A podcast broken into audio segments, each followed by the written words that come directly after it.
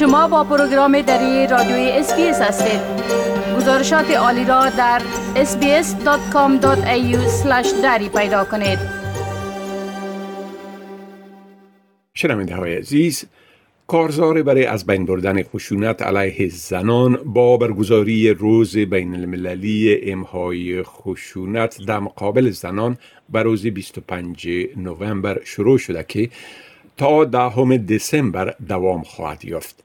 همکار ما فتح سامی در این مورد معلومات تهیه کرده که اینک او را با ما و شما شریک می سازن آقای سامی سلام عرض می کنم خب اولتر از همه اگر بگوین که روز بین المللی از طرف چی مرجع برگزار شد که ای تا دهم دسامبر ای کارزار دوام خواهد داشت و درباره فعالیت ها ای روز اگر لطفا معلومات بتین سلام به شما و شنوندای محترم. خدمت هست شد که ادامه من خشونت علیه زنان توسط مجمع عمومی سازمان ملل متحد در سال 1993 صادر شد. خشونت علیه زنان هر عمل خشونت را که مبتنی بر جنسیت منجر شده یا احتمالا منجر به اذیت جسمی جنسی و روانی فرد شده خشونت میگن آسیب یا رنج روانی به زنان از جمله تهدید به اعمالی که اجباری باشه یا سلب خودسرانه آزادی ایشان باشه یا در زندگی عمومی یا در زندگی خصوصیشان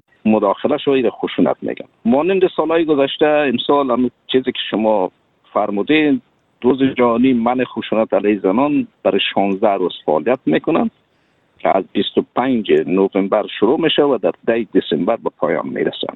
برای افزایش آگاهی موضوع شعار امسال جهان را نارنجی کنید کنون به خشونت علیه زنان پایان دهید. نارنجی رنگ ما برای نشان دادن آینده روشنتر واری از خشونت علیه زنان و دختران است. بخش از جنبش نارنجی باشید. این شعار است. در حالی که خشونت های فراگیر و مبتنی بر جنسیت اجتناب ناپذیر است. اما می توان و باید از آن جلوگیری شود.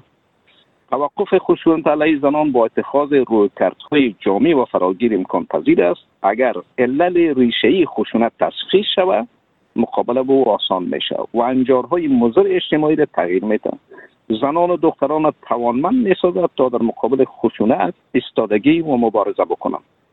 منظور از روز جهانی مو خشونت علیه زنان آغاز یک مبارزه بر پایان دادن به خشونت علیه زنان خواهد بود. برای 16 روز فعالیت ادامه میابه و در روز بزرگداشت روز جهانی حقوق بشر که روز دهم دسامبر به پایان می‌رسد.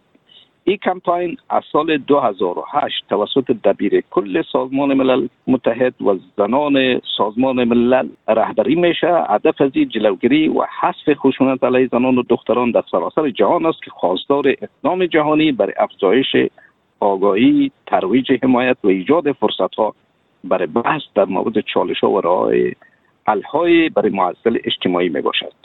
البته ساختمان ها و مکان های دیدنی نمادین هم برای یادآوری و نیاز با آینده آری از خشونت با رنگ نارنجی مزین میشه. پس اگر نورهای نارنجی را مردم می‌بینه مانای از است که به خاطر بسپارن که این مبارزه علیه خشونت زنان است.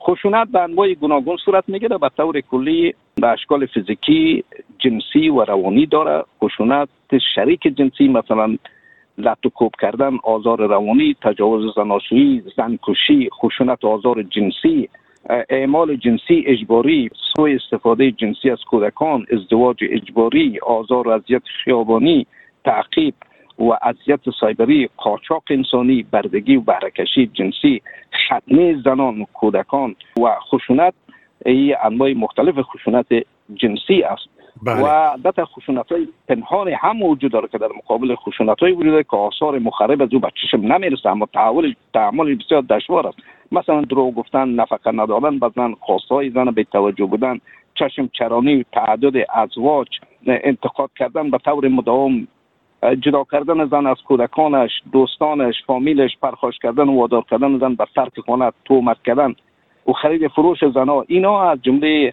انواع خشونت است که علیه زنها شکل گرفته و می‌گیره بله. خب آلی اگر لطفا بگوین که سروی هایی که در این مورد شده دامنه و میزان خشونت چطور نشان میدن؟ در سراسر جهان تخمین زده میشه که 736 6 میلیون زن تقریبا نظر سه نفر یک نفر حداقل یک بار در زندگی خود مورد خشونت شریک جنسی خود خشونت جنسی غیر شریک و یا هر جوش قرار می‌گیره میزان افسردگی اختلالات استرابی حاملگی های برنامه ریزی نشده افونت های مقاربتی HVI در زنانی که خشونت رو تجربه کردن در مقایسه با زنانی که تجربه نکردن و همچنین بسیاری از مشکلات سلامتی دیگر که حتی پس از پایان خشونت ممکن است ادامه داشته باشد دیده می‌شد و بیشتر خشونت علیه زنان توسط شوهران فیلی یا سابق یا شرکای سنگیشون صورت می‌گیرد. و بیش از 640 میلیون زن 15 ساله و بالاتر مورد خشونت جنسی قرار گرفتند. مخصوصا در انگام کووید 19 ای افزایش قابل ملاحظه یافته است.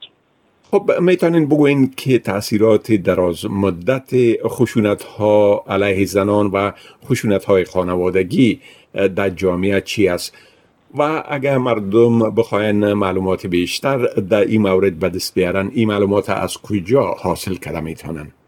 تاثیرات دراز مدت خشونت های خانوادگی را را برای خشونت در ساختارهای اجتماعی باز می‌کنن باعث خشونت های سیاسی میشه. صدمه خشونت های خانوادگی بافت های اجتماعی صدمه وارد می‌کنه. مداوای دراز مدت کار داره. حل و فصل قضایای حقوقی پرداختن مثلا در این مورد پول خساره زیاد شدید اقتصادی و اجتماعی را وارد میشه. صدمه زینی و روانی را وارد میشه. چل تا 50 درصد کودکان خانوادهشون دچار خشونت خانوادگیشن.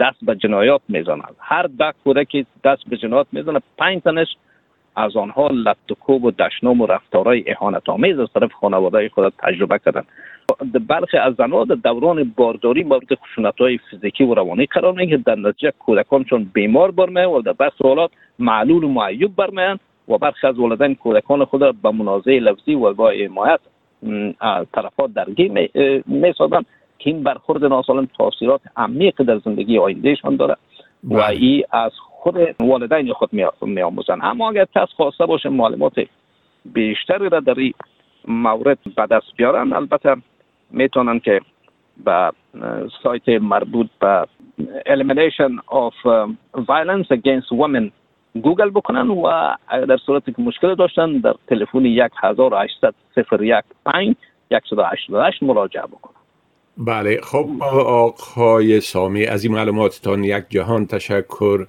و فعلا شما را به خدا می سپارم روزتان خوش. همچنان شما. خدا حافظ. سلام علیکم. می خواهید این گونه گزارش ها را بیشتر بشنوید؟ با این گزارشات از طریق اپل پادکاست، گوگل پادکاست، سپاتیفای و یا هر جایی که پادکاستتان را می گیرید گوش دهید.